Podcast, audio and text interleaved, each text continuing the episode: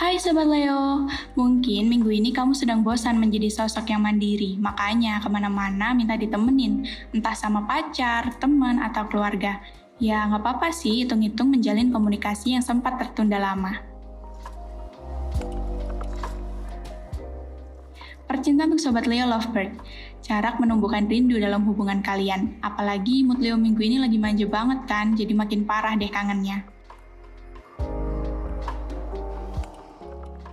Percintaan untuk Sobat Leo yang masih single, hindari perdebatan yang tidak berarti, itu hanya akan menguras waktu dan energimu.